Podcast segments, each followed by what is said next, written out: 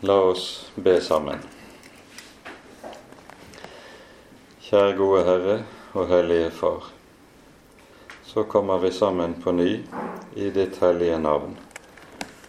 Og i bønn om, Herre, at du vil tale til oss, tale til oss i ordet ditt, og at du vil sende din Hellige Ånd, slik at vi også kan forstå dine ord rett. Takk, Herre, for alt ditt ord, og at du lar din rike velsignelse følge dine ord. Nå ber vi, Herre, at du også vil velsigne oss med lys og sannhet som bare du kan gi oss. Herre, forbarm deg over oss. Amen. Når vi eh, nå befinner oss i dette avsnittet med kapittel 58 og 59, så er vi inne i et avsnitt som eh, vi jo begynte på sist gang.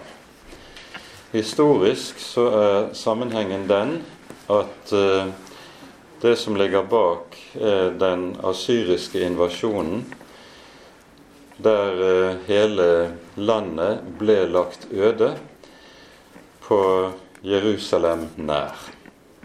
Jerusalem spares, slik som vi har eh, vært inne på det. Vi hører, leser jo om dette i kapittel 36 og 37 og 38 i Jesaja-boken.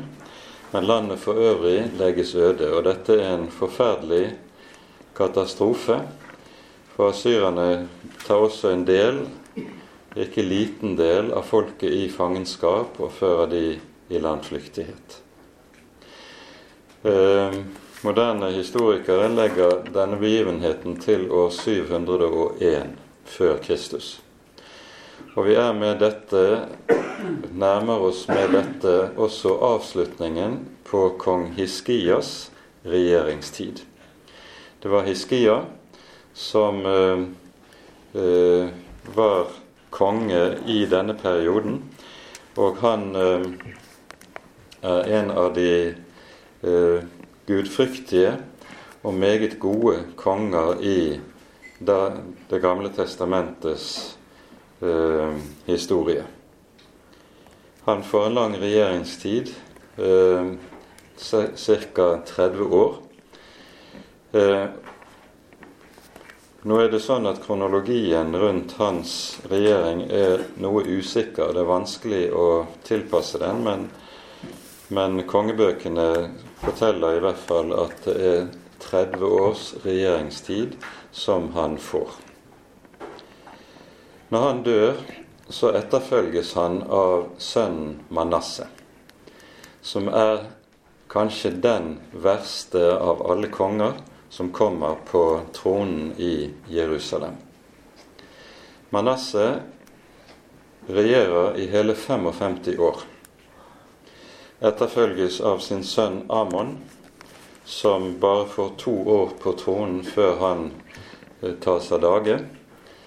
Eh, og vi får dermed en meget lang periode som også er en meget kanskje den mørkeste tiden i det gammeltestamentlige Israels historie, rent åndelig eh, betraktet. Eh, etter Amon så kommer Josias på tronen, som kanskje er den beste av kongene i Det gamle testamentet etter David. Eh, han er meget ung når han kommer på tronen, men i sitt 13. regjeringsår starter han reformasjonsverket, der han prøver å gjenreise det gammeltestamentlige Israel som Guds folk. En gjenreisning som begynner med at tempelet renses for all avgudsdyrkelse som Manasseh har innført der. Legger du sammen disse årstallene, 55 pluss 2 pluss 13, så får du en periode på hele 70 år. Og eh, Det er gammeltestamentlere som har kalt dette for Israels 70-årige åndelige eksil. Meget treffende eh, er det når det gjelder det. Disse kapitlene som vi nå er på vei inn i, i hos Jesaja, de er altså talt til folket etter den asyriske katastrofen, og antagelig i årene like forut for Hiskias død, og muligens i de første årene av Manasses regjeringstid. Det er et voksende åndelig mørke som siger inn over Eh, det jødiske folk. Og eh, dette kulminerer jo med at Manasseh ikke bare innfører alle hånde avgudsdyrkelse, vi skal ikke bruke mye tid på det, men han forfølger også Herrens profeter. Så det er under Manasseh at Jesaja lider martyrdøden. Eh, i jødisk tradisjon er det fortalt om dette at Jesaja søker å flykte fra Jerusalem når forfølgelsen av Herrens profeter har begynt. Manasses soldater er etter ham, og den aldrende profet gjemmer seg i et hult tre. Her oppdages han, og så finner Manasses soldater frem en sag og sager treet i to med profeten inne i. Eh, dette er det en kort henvisning til i Hebreabrevets ellevte kapittel, der det står om de som blir forfulgt, de blir også gjennomsaget. Og Det er antagelig nettopp Jesajas martyrium det siktes til i denne korte henvisningen i Hebreerne 11. Det er på slutten av det ellevte kapittelet i Hebreabrevet. Men med, når vi nå går inn i kapittel 58 og 59, så er det at vi ser en del av meget klart av det som er ånd, folkets åndelige tilstand. Mens når vi kommer fra kapittel 60 av og utover, når mørket for fullt begynner å sige inn over Guds folk, så er det som om profeten løfter blikket og ser frem imot den tid der forløsningen skal komme. Og så har vi noen av de sterkeste Messias-profetiene fra kapittel 60 av og utover, i tillegg til at boken avsluttes med i kapittel 65 og 66 med å tale om den nye himmel og den nye jord som Herren skal skape. Det er altså ikke slik at ordene i Åpenbaringen 21, der det tal, sies 'Jeg så en ny himmel og en ny jord', er noe som er nytt for Det nye testamentet. Dette er noe som er lovet tydelig. Vi hører om det to ganger i kapittel 65 og 66 her hos Jesaja.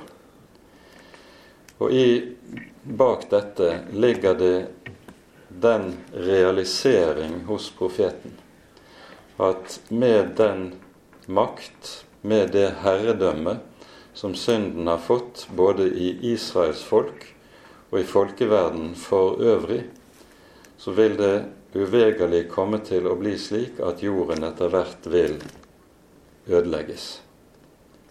Og da er løftet om en ny himmel og en ny jord det som blir punktet der håpet får feste. Nå har vi sammenfattet veldig mye ganske kort og komprimert, men vi begynner nå med å lese fra kapittel 58 fra begynnelsen av. Rop av strupen og spar ikke. Oppløft din røst som et horn, og forkynn for mitt folk dets overtredelser, og for Jakobs hus dets synder. Meg spør de dag for dag, de krever å få vite mine veier, som om de var et folk som har gjort rettferdighet og ikke forlatt sin Guds lov, krever de av meg rettferdige dommer. De vil at Gud skal komme nær til dem. hvorfor faster vi, og du ser det ikke? Hvorfor plager vi vår sjel, og du akter ikke på det? Se, på den dagen dere faster, gjør dere som dere lyster og utbytter deres arbeidsfolk. Se, for å trette og strides faster dere, for å slå med ugudelighetsneve. Dere faster ikke slik nå at deres røst kan bli hørt i det høye. Er dette den faste jeg finner behag i, når et menneske plager sin sjel, at han bøyer sitt hode som et siv og reder sin seng i sekk og aske? Kaller du det en faste? og en dag som behager Herren?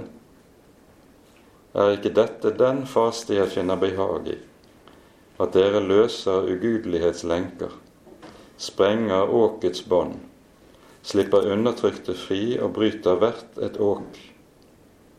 Er det ikke dette at du bryter ditt brød til den som sulter, og la hjemløse stakkare komme i hus, når du ser en naken at du da kler ham og at du ikke drar deg bort fra dem som er ditt eget kjøtt og blod. Det profeten her går i rette med, er den hyklede fromhet som ser ut til å være blitt det som er blitt det vanlige i Israel under kong Hiskia. Når vi kommet såpass langt ut i kongetiden i Israel, så ser vi at de gode konger som kom, kommer på tronen. Hiskia er den nest siste av disse, Josias 100 år senere den siste. De søker å reformere folket, rense ut avgudsdyrkelsen og vende folket tilbake til Herren. Med sin ytre makt så kan de kun rense folket fra den ytre avgudsdyrkelse hjertene er de ikke i stand til å reformere. Sånn at det som skjer i folket, det er at folket ytre sett eh, overholder kongens bud om at de kun skal dyrke Herren, mens hjertene forblir de samme. Og Dette viser seg da meget tydelig, ikke minst i hvordan eh, Jerusalems mektige forholder seg til fattigfolk, til de små i landet. De utnytter de små til egen fordel. De trellbinder de fattige og bruker enhver anledning til å berike seg selv. De er de som dominerer domstolene og sørger for at dommerne dømmer sånn som de ønsker det. Det er en utbredt urett og urettferdighet som råder i hele samfunnet. Og så går de i tempelet med fromme fjes og ser ut som de faster. Men alt sammen er altså hykleri og falskhet som profeten påtaler meget skarpt. Når eh, vi hører i vers 2 meg spør de dag for dag de krever å få vite mine veier. Da er dette tale om en type bønn der en ber, utber seg svar fra Gud, og forventer at Gud vil svare, samtidig som en selv ikke vil vende om. Hos profeten Jeremia har vi kanskje et av de aller sterkeste eksemplene på hvordan dette her kan ytre seg nemlig i kapittel 42. Her er situasjonen den at uh, babylonerne nå har inntatt landet. Uh, en stor del av folket er ført i fangenskap, men en del er latt tilbake i et land som er lagt øde. Og babylonerne har innsatt en, uh, en av etlingene, etlingene i kongeslekten til å være stattholder i det som er igjen av Israels land. Han heter Gedalia. Gedalia myrdes av eh, noe vi nærmest må kunne kalle for seloter. Og etter drapet så er det at de gjenværende frykter at nå vil babylonerne komme tilbake og hevne seg også på dem, og så ønsker de å flykte til Egypt. Men før de gjør det, så går de til profeten Jeremia. Og så ber de Jeremia om at han skal be til Herren for dem, for at Herren kan fortelle dem hva, hvilken vei de så skal velge. Vi kan godt lese et par vers fra Jeremia 42. Da kom alle hærførerne, både Johanan, Kareas sønn, og Jesania, Hosaias sønn, og alt folket, både små og store, og de sa til profeten Jeremia, La oss bære frem en ydmyk bønn til deg. Be for oss til Herren i Gud, for denne rest av folket, for vi er bare noen få igjen av de mange, slik du selv ser det. Be at Herren din Gud vil la oss få vite hvilken vei vi skal gå, og hva vi skal gjøre. Profeten Jeremia sa til dem, Jeg skal gjøre det. Jeg vil be til Herren deres Gud slik dere ber om. Hvert ord Herren svarer dere, skal jeg forkynne dere. Jeg skal ikke holde et eneste ord skjult for dere. Så går det ti dager, og profeten får så svar fra Herren. Og svaret leser vi da fra vers 9. Jeremia sa til dem, så sier Herren Israels Gud, som dere sendte meg til for å bære frem deres ydmyke bønn for Hans åsyn. Dersom dere blir i dette land, så vil jeg bygge dere opp og ikke bryte dere ned. Jeg vil plante dere og ikke rykke dere opp, for jeg angrer det onde jeg har gjort imot dere. Frykt ikke for Babels konge, som dere nå er redde for. Frykt ikke for ham, sier Herren, for jeg er med dere og vil frelse dere og fri dere av Hans hånd. Jeg vil vise barmhjertighet mot dere, slik at Han forbarmer seg over dere, og lar dere vende tilbake til deres land. Men dersom dere sier 'Vi vil ikke bli i landet', og sier 'Vi vil dra til Egypt', da og så sier Jeremia at farer de til Egypt, da skal de rammes av de aller største ulykker. De får altså et løfte fra Herren som de henvises til å stole på. Ytre sett er det all grunn til å tro at dette løftet det er meget vanskelig, kan vanskelig overholdes. Men i Det gamle testamentet ser vi på ny og på ny at det å tro Guds løfter, det er aldri en enkel sak. Det er alltid slik at da må en tro løfte på tross av det en kan se med sine ytre øyne, og det en frykter. Og Derfor vil det å tro løftet, det vil ofte ledsages av en kamp, en troens kamp, for å bli i løftet.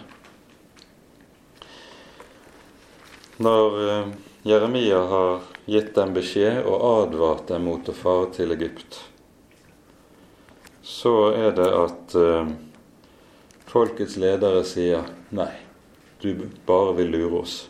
Vi vil dra til Egypt uansett. Og Jeremia sier gjør dere det, så kommer Nebukadnesar også til å erobre Egypt og dere kommer til å dø der for hans sverd. Og som Jeremia har sagt, så går det også. Altså her kommer det en gruppe mennesker med fromme geberder. Be til Herren for oss. La Han fortelle oss sine veier. Og når de får vite hva som er Herrens veier, så vil de aldeles ikke gå de. Det er det nøyaktig samme som vi hører om i Jesaja 58. De ber til Herren som om de var interessert i å få vite Hans vilje. Men når de får vite Hans vilje, så vil de aldeles ikke følge den. Kapittelet innledes med ordene 'Rop av strupen', spar ikke. Opplift din røst som et horn og forkynn for folket deres overtredelser. Det er altså sånn at dette er en vesentlig side av profetens oppdrag det å forkynne for folket sannheten om deres synd. Dette er jo det som gjennom hele Det gamle testamentet gjør profetene upopulære. For uh, vi vil helst ha en Gud som klapper oss på hodet og sier 'du er en snill kar, du'. En Gud som setter fingeren på det onde, det syndige i livet mitt, og med det dermed peker på 'du må omvende deg'. En slik Gud vil menneskene ikke ha. Og så er det at profetene nettopp pga. denne forkynnelsen stadig møter motvilje og motstand. De blir hatet, de blir forfulgt. Noen av dem lider martyrdøden. Det gjelder Jesaja, og det gjelder også Jeremia. Folkets ledere tvinger Jeremia med seg til Egypt. Og der, når han fortsetter å forkynne Herrens ord for folket, så steines Jeremia av folket i Egypt. Han lider martyrdøden der. Dette er altså det som er forholdene i Israels folk. Og eh, vi skjønner at når det tales på denne måten, så er det fordi Gud vil se omvendelsens frukter i folket. Rett og sann omvendelse viser seg ikke i at en går med blekt ansikt og later som man faster. Det viser seg i at en gjør rett mot de undertrykte. Det viser seg i omvendelsen. Dette er det som det er tale om hele veien i dette kapitlet. Så gir Gud også det løftet som eh, vi kan lese i, fra vers 8. Da, altså hvis omvendelsen skjer i ånd og i sannhet, da skal ditt lys bryte frem som morgenrøden, og din legedom snart spire frem. Din rettferdighet skal gå frem for ditt åsyn, og Herrens herlighet danne din baktropp. Da skal du påkalle Herren, og han skal svare. Da skal du rope, og han skal si, Se, her er jeg. Når du får bort hvert åk iblant dere og lar være å peke finger og tale ondt, osv. Hos Joel, som var en eldre samtidig av eh, Jesaja, så sies det i kapittel to der nettopp i møte med den falske faste og den falske omvendelse. Sønderriv deres hjerter og ikke deres klær. Altså den ytre symbol på sorg over synden. Det er ingenting verd hvis det ikke også blir liggende i hjertet. Vi går videre til kapittel 59 og leser også her fra begynnelsen. Se, Herrens hånd er ikke for kort til å frelse, og hans øre ikke tunghørt, så han ikke kan høre. Men deres misgjerninger skiller mellom dere og deres Gud og deres synder har skjult hans åsyn for dere, så han ikke hører. For deres hender er flekket av blod, deres fingre av misgjerning. Deres lepper taler løgn, deres tunge mumler frem svikefulle ord.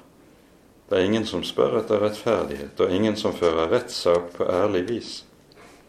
De setter sin lit til usannhet og taler løgn. De har unnfanget ulykke og føder elendighet. Det vi møter i disse versene og det følgende, er et avsnitt som Paulus tar opp og anvender aktivt i Romerbrevets tredje kapittel når han skal beskrive syndens herredømme i menneskeheten mer allment. Så i Romerne 3 fra vers 10 til 18 så møter vi en rekke av det vi hører her i disse versene, de møter vi igjen som en allmenn beskrivelse av menneskehetens syndighet.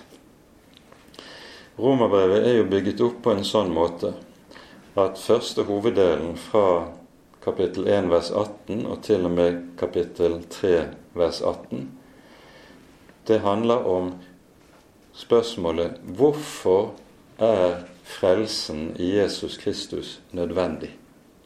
Jo, det er fordi synden har fått et sånt herredømme i menneskeheten at det er ingen annen mulighet. Mennesket er ute av stand til å frelse seg selv.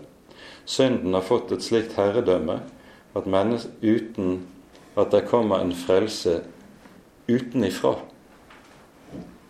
så er hele menneskeheten redningsløst fortapt. Og Så begynner kapittel 3 i Romerbrevet fra vers 19 og utover, til og med det femte kapittel. Det taler så om den rettferdighet som Gud skjenker i Jesus Kristus. Og det må skjenkes utenifra. Det kom, kan ikke komme fra mennesket selv. Sånn er romerbrevet bygget opp, og Paulus bruker da aktivt dette avsnittet i Jesaja 59. kapittel for å illustrere syndens herredømme. Hos Jesaja er det sånn at med vers 9 så begynner en klagesang og en synsbekjennelse som profeten eh, gir ord til idet han så å si identifiserer seg med folket og på folkets vegne bekjenner synd, folkets synder. Vi leser fra vers 9. Derfor er retten langt borte fra oss, og rettferdigheten når oss ikke.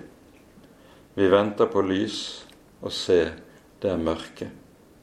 Vi venter på solskinn, og vi må ferdes i dypeste natt. Vi famler som de blinde etter en vegg. Vi famler lik folk som ingen øyne har. Vi snubler ved høylys dag som om det var i skumringen. Midt iblant friske er vi som døde. Og så fra 12. For du ser at våre overtredelser er mange, og våre synder vitner mot oss. Våre overtredelser har vi for våre øyne, og våre misgjerninger kjenner vi. Vi er falt fra Herren og har fornektet ham. Vi har gått bort fra vår Gud. Vi har talt om undertrykkelse og frafall. Vi har unnfanget løgnens ord i våre hjerter og sagt dem ut. Derfor er retten blitt holdt tilbake, og rettferdigheten står langt borte. Sannheten har snublet på tingstedet, og det rette kan ikke finne inngang. Sannheten ble borte. En sånn bekjennelse som vi her møter hos Jesaja, den møter vi hos flere av profetene i Det gamle testamentet. Og slike synsbekjennelser de fremføres alltid i vi-form. Selv om profeten for sitt eget personlige vedkommende er en som på det aller skarpeste påtaler folkets synd, og slett ikke deltar i den eller, og ønsker å ha del i den, så er det slik at når det bekjennes, så inkluderer de seg selv. Aller sterkest ser vi dette i Daniels bok, botsbønn, i Daniels boks niende kapittel. Vi skal ikke gå inn i den, men den er et studium verd. Er denne Daniels botsbønn som også ligger bak eh, den store bønnen som vi bruker i våre kirker når vi har, markerer bots- og bededagen. Der er så å si Daniels botsbønn det store forbildet på det som vi her har for oss. Hos, I det sjette kapittelet hos Jesaja der husker vi at når Jesaja får skue inn i det himmelske tempelet og høre serafenes lovsang Hellig, hellig, hellig er Herren herskarenes Gud så bryter han ut Ved meg, jeg er fortapt. For, sier han, jeg er en mann med urene lepper, og bor midt iblant et folk med urene lepper. Selv om profeten er den han er, og har den tjeneste han har, så er han seg bevisst at all den synd som går i svang i folket, den har også satt sitt preg på ham. Og så nevner han seg selv i samme åndedrag som med folket. For han vet at for Guds ansikt er det ikke én som er ren. Ikke én. Heller ikke den helligste profet. Med det vi her hører, så står profeten ser profeten i øyet at folket står overfor en mørk tid som nå ligger foran. Og i den mørke tid antagelig så har det er jo sånn at profeten Jesaja antagelig var av kongelig slekt. Det er det som er bakgrunnen for at han hadde den adgang han hadde til kongehuset, som vi kan lese om i første delen av boken. Og Det er ikke urimelig at han ikke bare har kjent kong Hiskia personlig, som han jo gjester ved en rekke anledninger, sånn vi hører det, men han også har kjent og iakttatt Hiskias sønn Manasseh, og hva det som bor i denne unge mannen. Og skjønner hva som vil skje den dagen han kommer på tronen. Og så er det at profeten i møte med den tid som nå ligger foran, begynner å løfte blikket i håp om ikke at folket skal komme til å vende om. For han ser realistisk at dette ikke kommer til å skje. Men i håpet om forløseren som en dag skal komme. Det er på ham alt håp nå henger hos profeten. Og Derfor hører vi i slutten av kapittelet, vi leser fra vers 19. I Vesterland skal de frykte Herrens navn, og i Østerland Hans herlighet. Når fienden kommer som en flod, skal Herrens ånd drive ham tilbake. Det skal komme en gjenløser for Sion, og for dem som omvender seg fra overtredelse i Jakob, sier Herren. Denne gjenløser som det her er tale om, er det at Jesaja har talt om ved en rekke anledninger tidligere.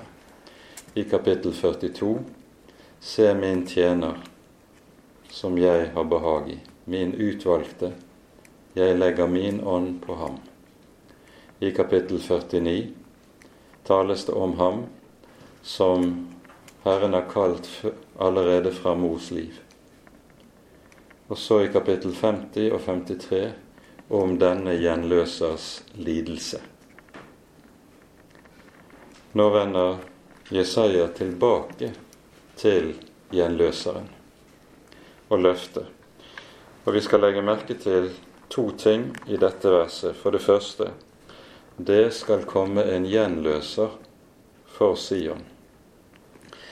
Vi minner her om det vi har pekt på ved flere anledninger. Betegnelsen gjenløser det betegner en som betaler løsepenge. En som betaler prisen for at den som er fanget, kan få frihet. Det er det som ligger i begrep, gjenløsningsbegrepet. Og hva prisen bærer i seg, det handler jo kapittel 53 om. Han er såret for våre overtredelser, knust for våre misgjerninger. Det er prisen som gjenløseren betaler. Dernest så sies det for dem som omvender seg fra overtredelse i Jakob. Vi har pekt på at det er tre hovedbegreper for synd i eh, Det gamle testamentet, og disse møter vi igjen stadig hos Jesaja. Og det begrepet som anvendes her, det, det hebraiske ordet pesha, som betegner synd som opprør. Det er mennesket som gjør bevisst opprør mot sin skaper. Det er det som er pesha. Og da er det tale om altså at det kommer en som skal gjenløse til og med fra dette. Og så kommer det et forunderlig vers som Og her er det viktig å være oppmerksom på at det vi nå går inn i, her er kapittelinndelingen kunstig. Det burde ikke vært et skille mellom kapittel 59 og kapittel 60. Det kommer vi tilbake til. Dette er den pakt jeg gjør med dem, sier Herren. Og her er det tale om den nye pakten. Den pakten som Jesaja har vært inne på en rekke ganger tidligere. To ganger sies det om gjenløseren, nemlig i kapittel 42 og 49. 'Jeg gjør deg til en pakt for folket'. Og eh, i kapittel 55, etter at vi har hørt om Frelserens lidelse, så sies det i eh, vers 5 Nei, unnskyld, vers 3. Jeg vil opprette en evig pakt med dere og gi dere Davids rike nåde, den visse. Det er den evige pakten. Det er samme pakt som vi her hører om, og nå med en annet aspekt ved pakten. Det sies nemlig 'min ånd som er over deg', altså over gjenløseren, og mine ord som jeg har lagt i din munn, de skal ikke vike fra din munn eller fra dine barns munn eller fra dine barnebarns munn, sier Herren, fra nå av og inntil evig tid. Og Dette danner så innledningen til det store kapittel 60 hos Jesaja, som er kanskje det kapittelet som sterkere enn noe annet kapittel hos Jesaja som tegner frelsestidens herlighet og det fullkomne Guds rikes herlighet for våre øyne. Men før vi går inn i kapittel 60, så vil jeg bare understreke at det vi hører her i, vers 21 Min ånd som er over deg, og mine ord som jeg har lagt i din munn, de skal ikke vike fra din munn eller fra dine barns munn. Det er altså løftet om at Guds ord og Guds ånd skal bevares hos hans, hos gjenløserens barn. Det som er den gammeltestamentlige bakgrunnen for det vi hører her, det er noe vi finner i 4. Moseboks 11. kapittel. Her hører vi om hvorledes Israel enda en gang sukker og klager og knurrer mot Herren. Og så avføder dette at også Moses må sukke. Han sukker til Herren og sier 'Dette folk er for tungt for meg. Jeg klarer ikke å bære det'.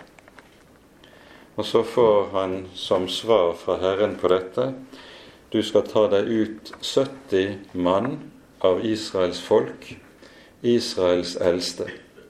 Dem skal du ta med deg og stille frem for Herrens ansikt i helligdommen. Vi leser eh, fra Fjerde Mosebok, kapittel 11. Fra vers 16. Da sa Herren til Moses.: Kall sammen for meg 70 menn av Israels eldste de som du vet er folkets eldste og tilsynsmenn. Du skal ta dem med deg til sammenkomstens telt og la dem stille seg opp der sammen med deg. Så vil jeg stige ned og tale med deg der, og jeg vil ta av den ånd som er over deg, og legge på dem, så de kan bære byrden av folket sammen med deg, og du ikke skal bære den alene. Så skal folket hellige seg og så hører vi at dette skjer. Gud tar av den ånd som hviler over Moses og legger på Israels eldste. Og så taler disse 70 Israels eldste profetiske ord. Og så hører vi mot slutten av kapittelet at det er to av disse 70 som av en eller annen grunn er blitt tilbake i leiren og ikke kunne være til stede i tabernaklet. Og så sies det i den forbindelse, vi leser fra vers 26, to menn var blitt tilbake i leiren. Den ene heter Eldad, og den andre Medad. Og ånden hvilte også over dem, for de var blant dem som var skrevet opp. Men de var ikke gått ut i teltet. De talte også profetisk i leiren. Da løp en gutt av sted og meldte det til Moses og sa:" Eldad og Medad taler profetisk i leiren. Og Josva Nuns sønn, som hadde tjent Moses fra sin ungdomsarv, tok til orde og sa:" Min herre Moses, forby dem det. Men Moses sa til ham:" Er du nidkjær for min skyld? Gi at alt Herrens folk var profeter at Herren ville legge sin ånd på dem. Og Nettopp det er løftet som vi nå møter i Jesaja 59. Løftet om at den ånd som er over gjenløseren som skal komme til Sion, av den ånd skal det tas og legges på hele folket. Av det ord som er i Hans ånd, skal det gis til hele folket. Dette er altså bakteppet for disse ordene vi hører i Jesaja 59. Og vi legger også merke til den helt sentrale ting at Ånden og Ordet er bundet sammen. Dette er jo noe som er helt grunnleggende i vår lutherske kirke. At Ånden og Ordet kan ikke og må ikke skilles. De to ledsager hverandre alltid. Kjennetegnet på alt det som kalles for svermeri, det er jo et begrep som Luther formulerer i møte med såkalte svermerbevegelsene på reformasjonstiden. Kjennetegnet på alt svermeri, det er at Ånden og Ordet skilles ad på en sånn måte at mennesker tenker seg at de kan få Den hellige ånd uten og uavhengig av forkynnelsen av Guds ord i evangeliet. Ånden og Ordet hører uløselig sammen. Og Dette er det som også altså minnes, vi minnes om her i Jesaja 59. I Det nye testamentet er dette en grunnleggende side ved den apostoliske undervisning om Den hellige ånd og Den hellige ånds gjerning. Ånden og Ordet hører uløselig sammen.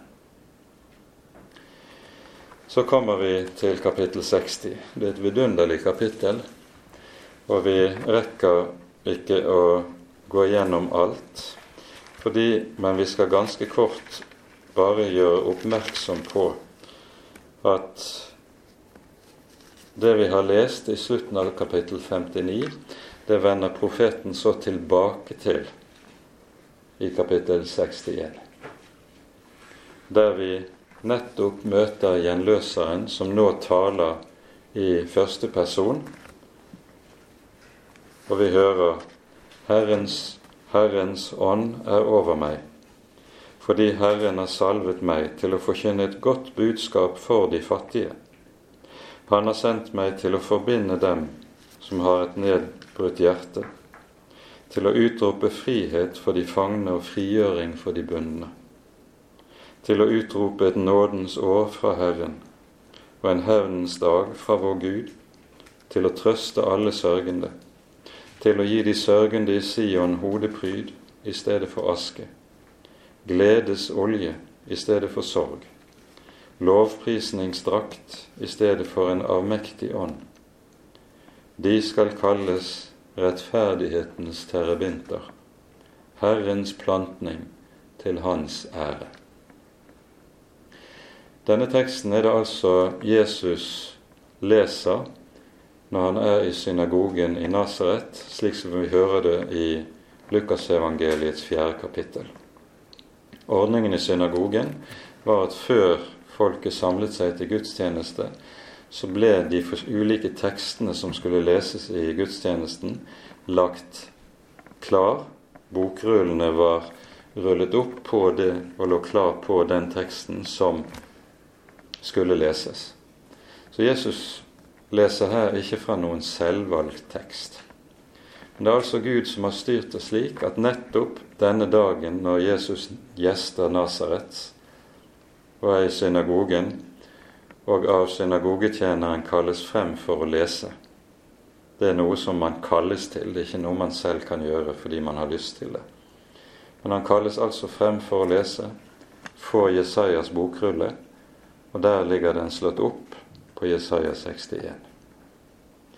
Og Jesus leser disse ordene, og poenget, slik vi hører dette i Det nye testamentet, er at dette så å si blir programtalen for Jesu virke.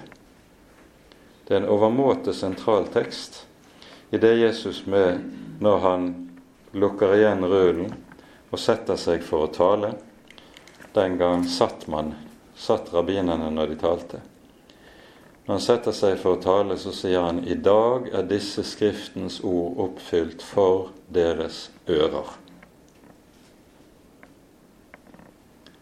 Nemlig her har du profeten som identifiserer han som står og leser. Hos Jesaja har vi sett at det er en sentral side ved budskapet om den kommende forløseren, at han er bærer av Den hellige ånd.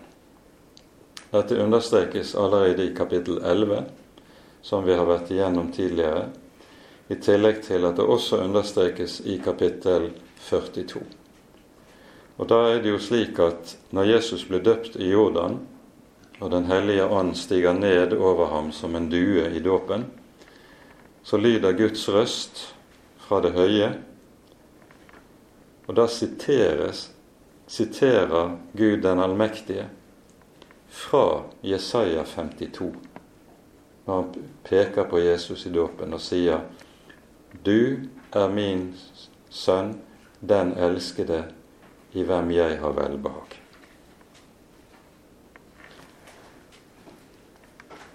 Det er med andre ord sånn at Ånden er et særlig kjennetegn på Messias og en særlig forutsetning for Messias virke, slik vi møter ham i Jesaja-boken. Og Nå har vi altså hørt om dette i slutten av kapittel 59 og i innledningen til kapittel 61. Og I de påfølgende kapitler så er det dette utfoldes videre. Men nå er altså håpet ikke lenger til et jordisk Israel. For profeten ser at det trengs et sterkere og et mer stødig håp enn til det jordiske Israel. Og nettopp her er det kapittel 60 står som kanskje det fremste og sterkeste vitnesbyrd om den sak vi leser. Stå opp, bli lys, for ditt lys kommer, og Herrens herlighet går opp over deg. Se, mørket dekker jorden, og det er belgmørke over folkene. Men over deg skal Herren oppgå, og over deg skal Hans herlighet åpenbare seg. Folkeslag skal vandre i ditt lys, og konger til den glans som er gått opp over deg. Stå opp, bli lys, for ditt lys kommer. Ditt lys, det er nettopp Messias. Det er Han som er lyset som kommer. Og så sies det altså til Israels folk stå opp, bli lys, for ditt lys kommer. Og vi skjønner poenget. Guds folk er lys her i verden, utelukkende i den utstrekning Messias er lys for oss. De to ting henger uløselig sammen. Stå opp, bli lys, for ditt lys kommer. Og Herrens herlighet går opp over deg. Her betyr Herrens herlighet alle de frelsesgoder, den fylde av frelsesgoder som råder der Herren kommer, og der Herren kommer til. Ordet herlighet i Det gamle testamentet, det er ordet kavod. Og det betyr bokstavelig tyngde.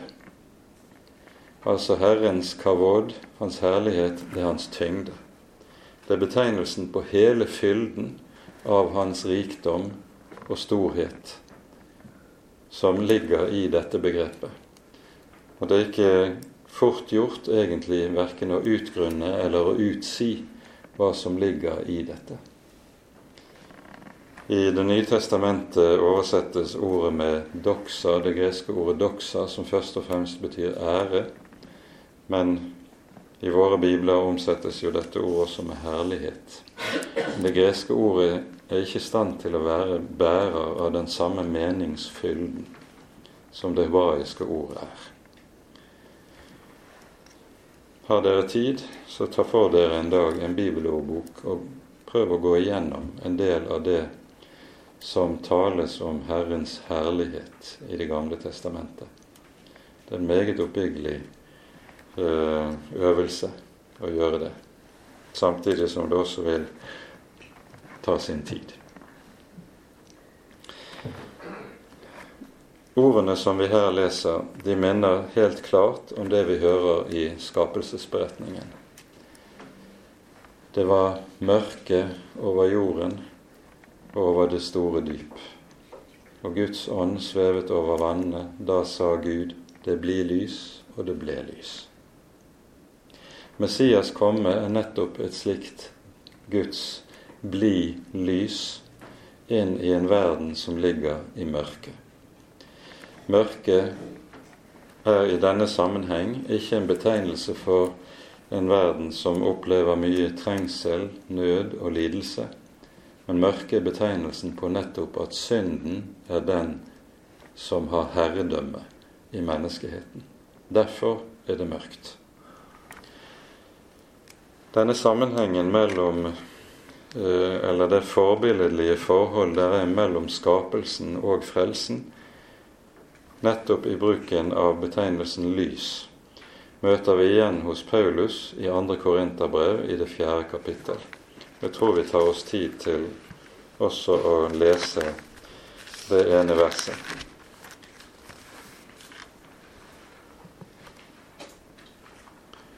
Ja, vi kan lese to-tre vers, kanskje.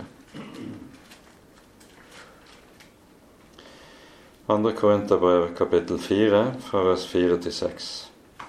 Denne verdens Gud har forblindet de vantros sinn, så de ikke ser lyset fra evangeliet om Kristi herlighet, Hans som er Guds bilde.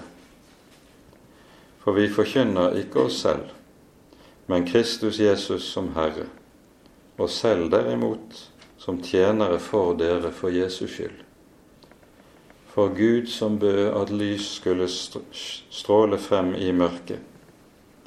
Han har også latt lyset skinne i våre hjerter, for at kunnskapen om Guds herlighet i Jesu Kristi åsyn skal lyse frem, nemlig lyse frem fra menigheten, fra den kristne kirke. Altså Gud taler i begynnelsen og sier sitt 'bli lys'. Han taler inn i mørket. Evangeliet, budskapet om Jesus, er et slikt Guds 'bli lys'. Det er altså dette, denne tankegangen vi møter hos Jesaja i det 60. kapittel.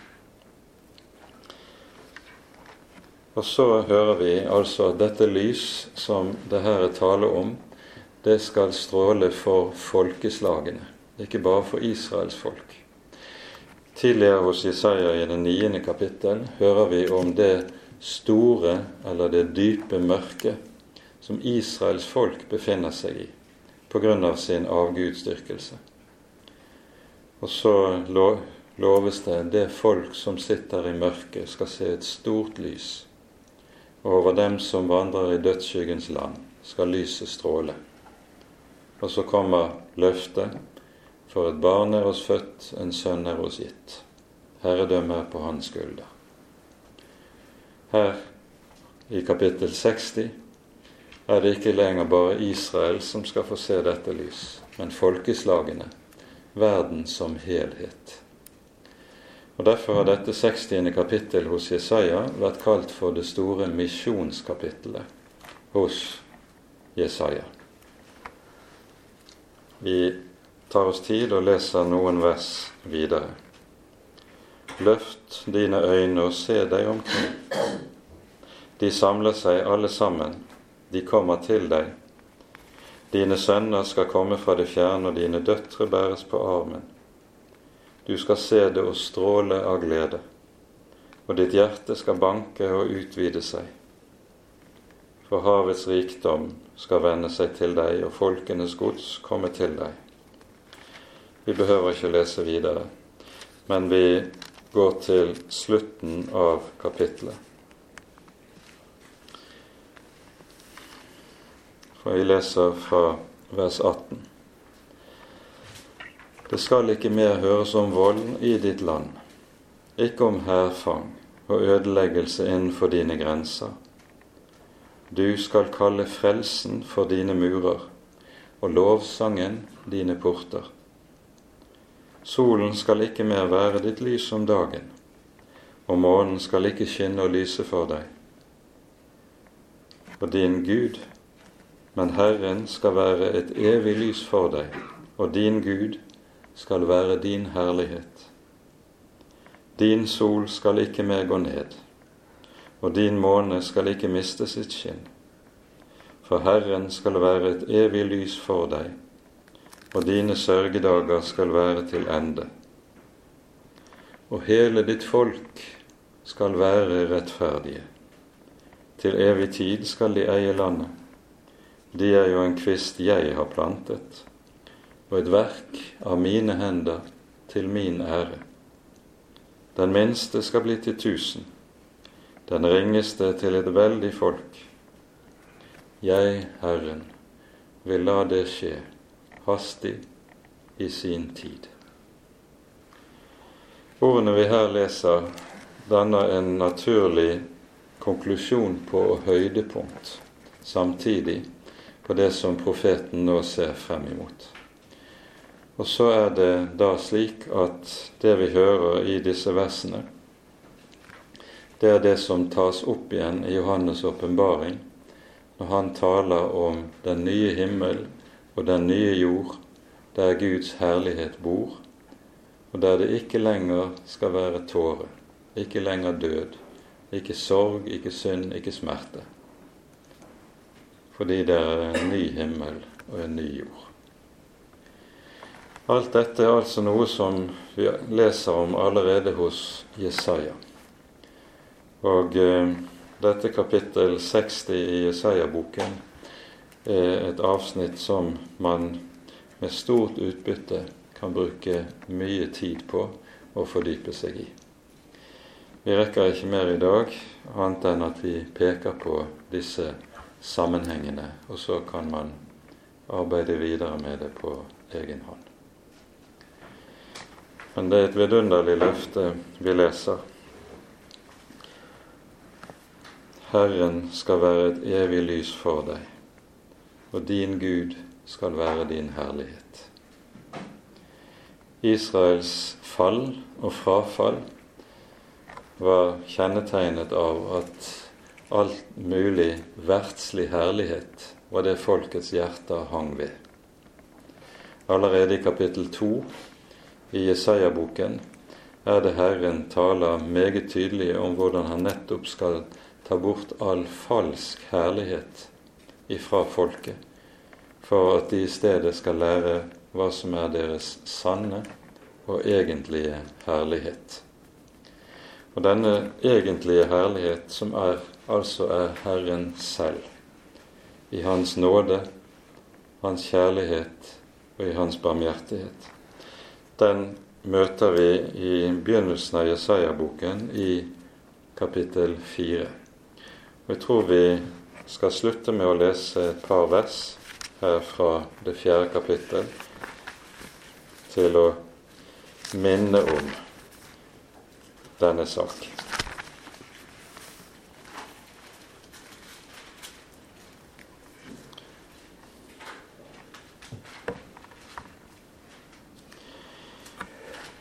Vi leser fra vers 2.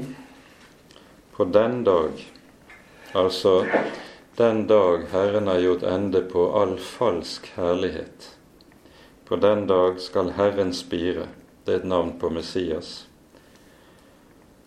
Han skal være til pryd og til herlighet, og landets frukt til stolthet og til pryd for de unnkomne av Israel.